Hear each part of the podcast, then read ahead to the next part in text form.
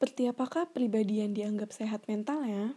Bagaimanakah pandangan masyarakat mengenai kesehatan mental saat ini? Apakah topik kesehatan mental ini perlu lebih didorong sebagai edukasi? Itulah beberapa pertanyaan yang cukup menarik untuk dibahas di samping derasnya era modernisasi saat ini.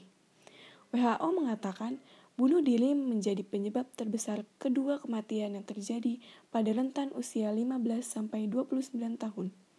Lebih dari 800 orang setiap tahunnya mati karena bunuh diri. Sekitar 20% anak-anak dan remaja di dunia mengalami gangguan dan permasalahan mental.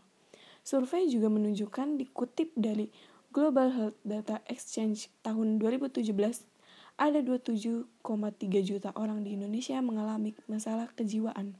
Dan Indonesia menjadi negara dengan jumlah pengidap gangguan, gangguan jiwa tertinggi di Asia Tenggara.